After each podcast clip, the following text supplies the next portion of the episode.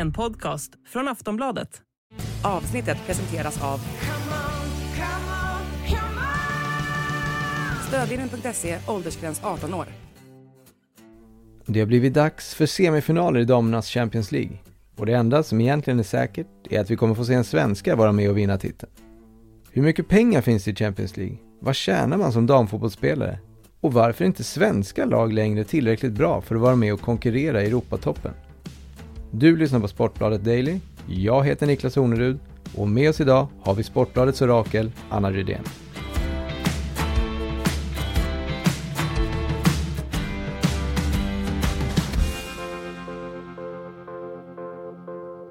Hallå Anna! Äntligen dags för semifinal i Champions League. Eh, vad har varit den mest spektakulära turneringen hittills? Det får man väl nästan säga var i kvartsfinalen när Chelsea slog ut Lyon och på sättet de gjorde det med ett eh, nervpirrande straffdrama som tog Chelsea vidare mot då regerande mästarinnorna Lyon som vi inte ser med oss vidare nu. I fjol så hade vi faktiskt två franska lag i semifinalerna. Nu är både Lyon och PSG utslagna så att eh, det får man väl säga är det som får en att höja på ögonbrynen mest så här långt. Haran, who's scored eight goals so far this season. Up against Berger and is saved! And Chelsea are through to the semi-finals of the Champions League! They knock out the Champions League holders, Lyon! Och vi har ju svenskor i alla lag eh, som är kvar här nu. Vilka är de och hur viktiga är de för eh, respektive lag? Ja, då kan vi ju säga semifinalerna som den första, Wolfsburg mot Arsenal. Där har vi Rebecka Blomqvist i Wolfsburg.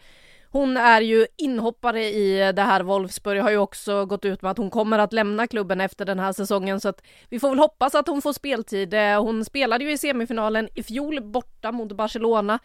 Då skadade hon sig efter några minuter som blev inbytt och utbytt i samma match. Vi hoppas på bättre lycka för Rebecka Blomqvist den här gången och i Arsenal så har vi ju en skadedrabbad Lina Hurtig som saknas. Vi har Stina Blackstenius som däremot spelar från start och är ju väldigt viktig för Arsenals anfall i och med att Arsenal har duon Beth Mead och Vivian Miedema på skadelistan. Där kan vi också lägga till för eh, Arsenals del att Lia Williamson skadade sig mot United igår. Det såg inte bra ut och det är ett jätteavbräck för Arsenal i jakten på en finalplats i Champions League. Och svenskt även på bänken i Arsenal. Där har vi ju Jonas Eidevall som huvudtränare som assisteras av Patrik Winqvist. Så det är mycket svenskt i eh, klubben från norra London. Verkligen. Sen har vi ju då de andra två lagen, den andra semifinalen, Barcelona mot Chelsea. Där vi ju i Barcelona har en startspelare i form av Fridolina Rolfö som har en form som bara går uppåt och uppåt. Hon avgjorde El Clasico för inte så länge sedan. Hon har gjort mål tidigare här i Champions League i kvartsfinalen.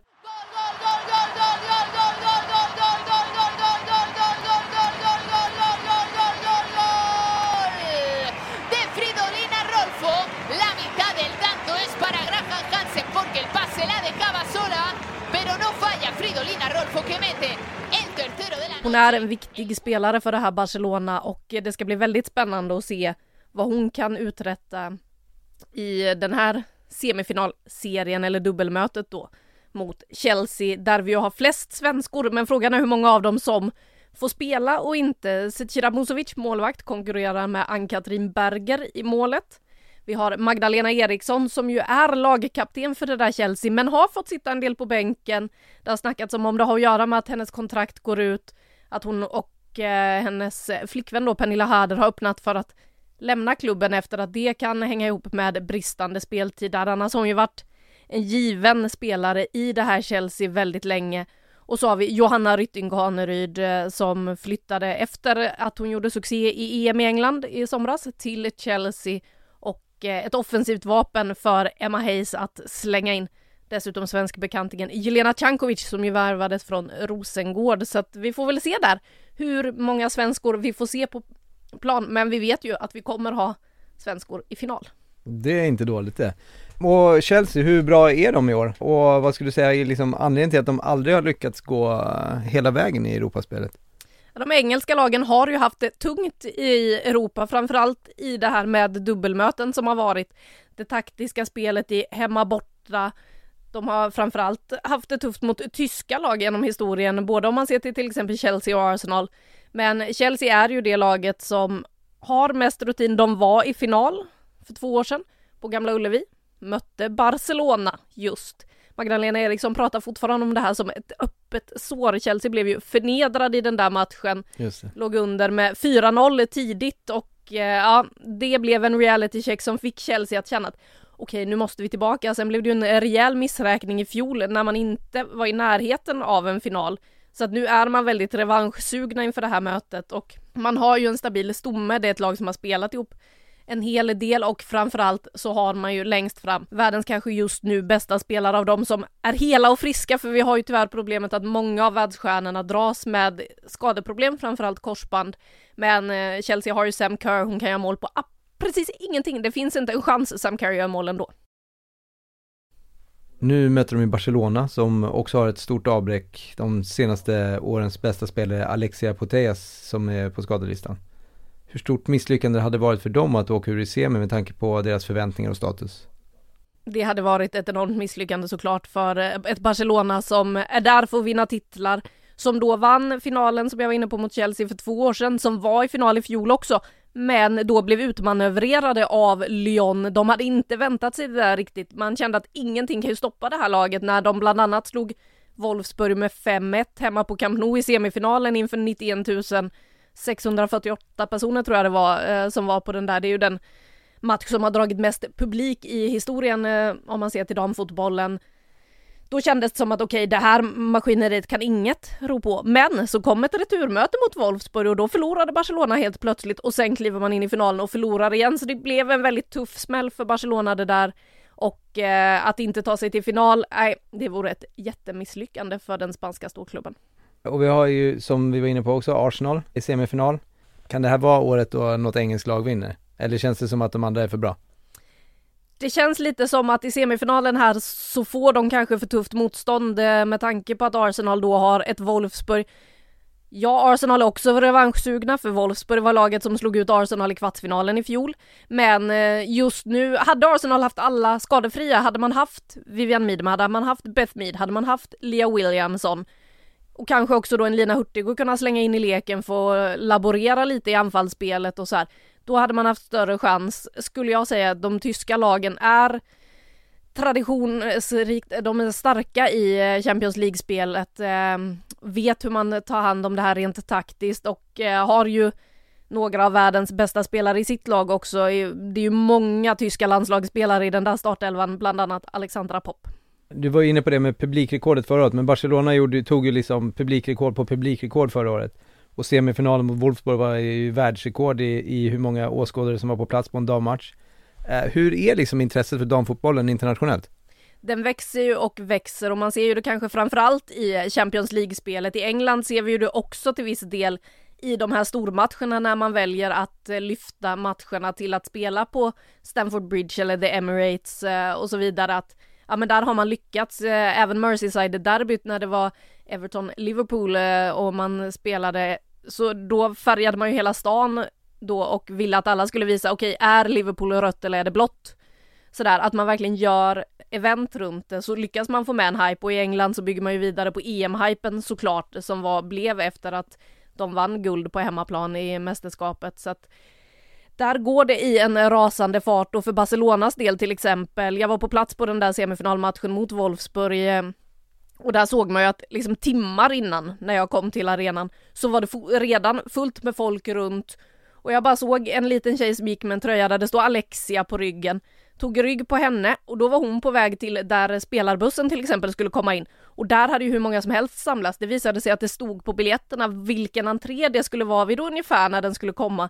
För att man ville göra det till ett eh, event och liksom möta spelarna så att de möttes ju av det måste vara tusentals supportrar som stod där när bussen rullade in eh, mer än 90 minuter innan match. Så att, att man skapar den här hypen och gör det här eventet, eh, det gör ju att folk också kommer tillbaka. Hur har det med det nya formatet med gruppspel och liksom, eller gruppspel, slutspel eh, ökat intresset för, för Champions League? Tror du det finns någonting i det också? Det tror jag absolut och eh, det här att det blir fler bra matcher med ett gruppspel till exempel.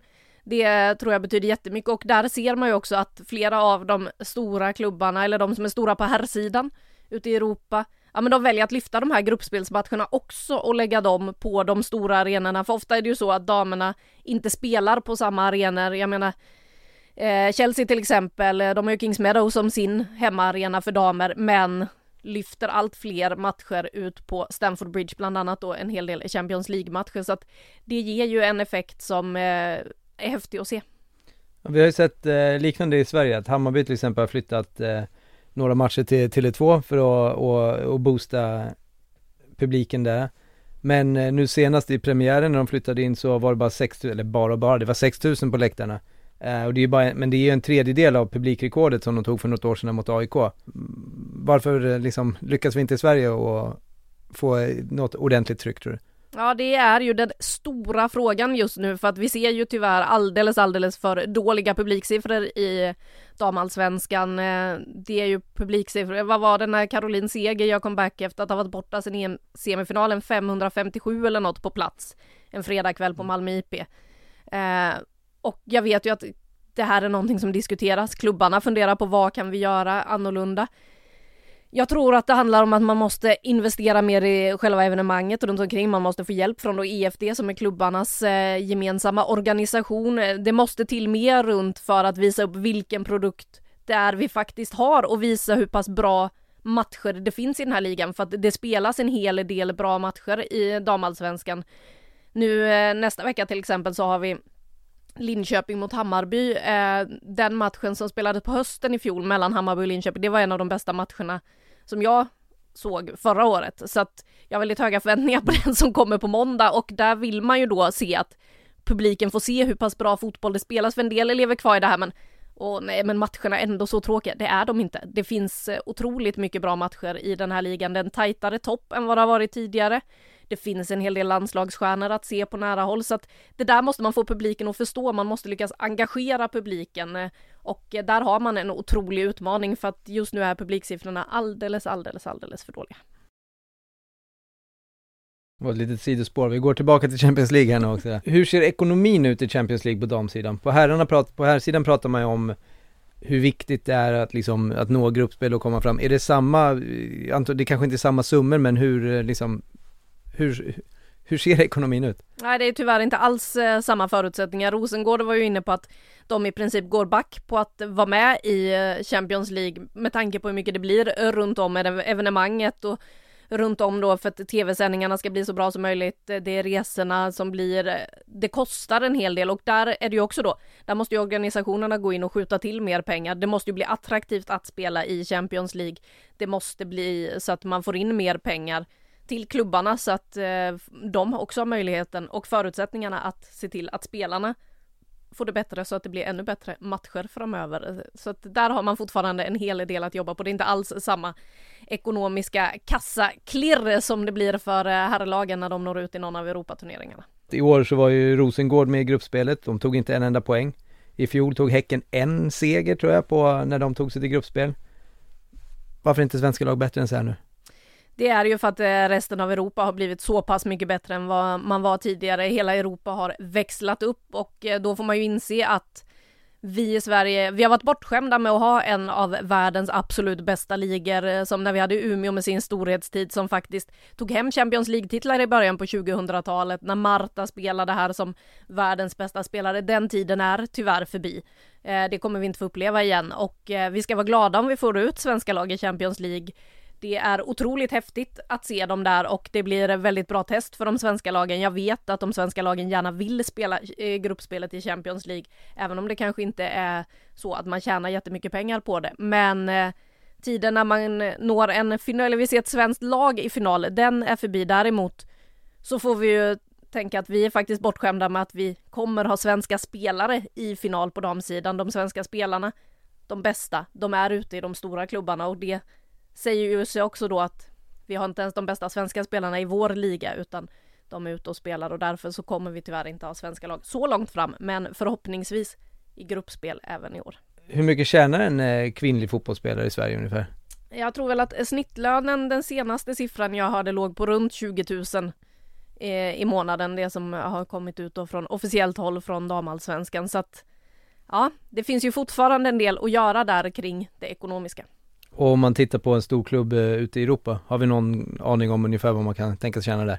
Ja men där tjänar man ju så att man klarar sig gott och väl under karriären men inte så att man är ekonomiskt oberoende när karriären är över. Alltså det hamnar, man kan väl hamna mellan 60 och 100 000 ungefär om man hamnar i ganska bra klubbar eh, sådär som månadslön men det är ju inte så att eh, man kan lägga undan och känna att ah, jag kan pensionera mig när jag är färdigspelad med fotbollen utan man måste ha en plan även efter karriären, även om man spelar i stora lag som till exempel Barcelona. Mm, så det är en ganska stor skillnad fortfarande, det, om man jämför hemfotbollen. Det kan man säga. Ja. Hur går det med se i semifinalerna och vem, eller vilka svenskor kommer få lyfta bucklan sen?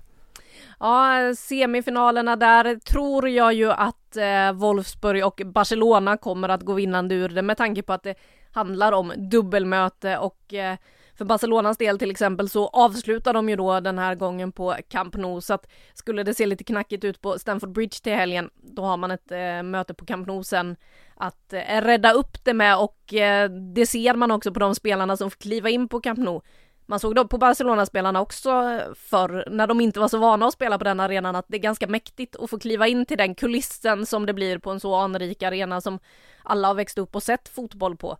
Eh, så att ha det stödet i ryggen, det kommer definitivt hjälpa Barcelona om det på något sätt skulle ha hackat i maskineriet innan dess. Wolfsburg, de tror jag vinner på det här tyska lagbygget eh, som man har sett eh, herrlandslagen till exempel vinna titlar på hur länge som helst i världsmästerskap och så vidare. Vi har ju sett hur deras landslag på damsidan dominerade förr i tiden. Nu var man tillbaka i en final här i EM senast så att eh, där tror jag Wolfsburg blir det starkare laget, men eh, till slut så kommer Fridolina Rolfö stå där med bucklan. Igen? Jajamän. Härligt. Men eh, då tackar jag dig så mycket Anna för att du ville vara med i Sportbladet Daily. Tack själv. Du har lyssnat på en podcast från Aftonbladet. Ansvarig utgivare är Lena K Samuelsson.